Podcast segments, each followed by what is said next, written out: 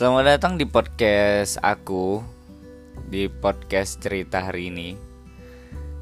Eh Aku akan cerita sedikit tentang hari ini. Kalau Aku pengen Kalian dengar semua Cerita aku. Karena hari ini benar-benar spesial. Aku menemukan seorang wanita yang tulus apa adanya dan mandiri. Aku nggak tahu sih, karena aku dulu ketemu dia saat SMA, pernah deket tapi nggak jadian.